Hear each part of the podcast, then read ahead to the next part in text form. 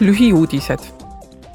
eile leppisid Euroopa Parlament ja Nõukogu eesistujariik Rootsi kokku, et taastuvenergia osakaalu EL-i energia lõpptarbimises suurendatakse kahe tuhande kolmekümnendaks aastaks siduvalt neljakümne kahe koma viie protsendini.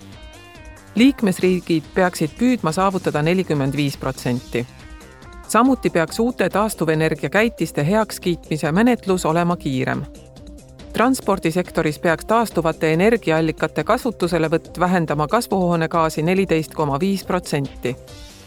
seaduse jõustumiseks peavad kokkuleppe heaks kiitma nii Euroopa Parlament kui ka nõukogu. uued reeglid aitavad kaotada soolise palgalõhe. eile kiitis parlamendi täiskogu heaks palkade läbipaistvuse direktiivi, mis kohustab EL-i ettevõtteid avalikustama teavet, mis lihtsustab töötajate palkade võrdlemist istungisaalis ütles raportöör Kiira-Marie Peeter Hansen järgmist. selle hääletusega kaotame palgasaladuse, tugevdame töötajate õigusi ja töötajate individuaalset õigust teabele. samuti palume tööandjatel palgalõhest teatada ja see kaotada. raportöör Samira Rafaela lisas see direktiiv ütleb, et kõik väärivad võrdset kohtlemist ja et kõigile tuleb maksta õiglaselt, sõltumata soost, taustast või maksuajaloost. kui oleksime selle vabaturu hooleks jätnud, kaoks sooline palgalõhe alles kahe tuhande kaheksakümne kuuendaks aastaks.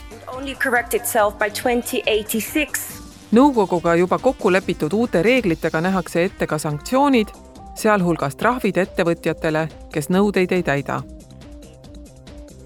parlament tähistas Belfasti suure reede kokkuleppe kahekümne viiendat aastapäeva Briti ja Iirimaa valitsuste poolt kümnendal aprillil tuhat üheksasada üheksakümmend kaheksa allkirjastatud leppega lõppes Põhja-Iirimaal kolmkümmend aastat kestnud vägivaldne konflikt. tseremoonia avamisel ütles parlamendi president Roberta Metsola.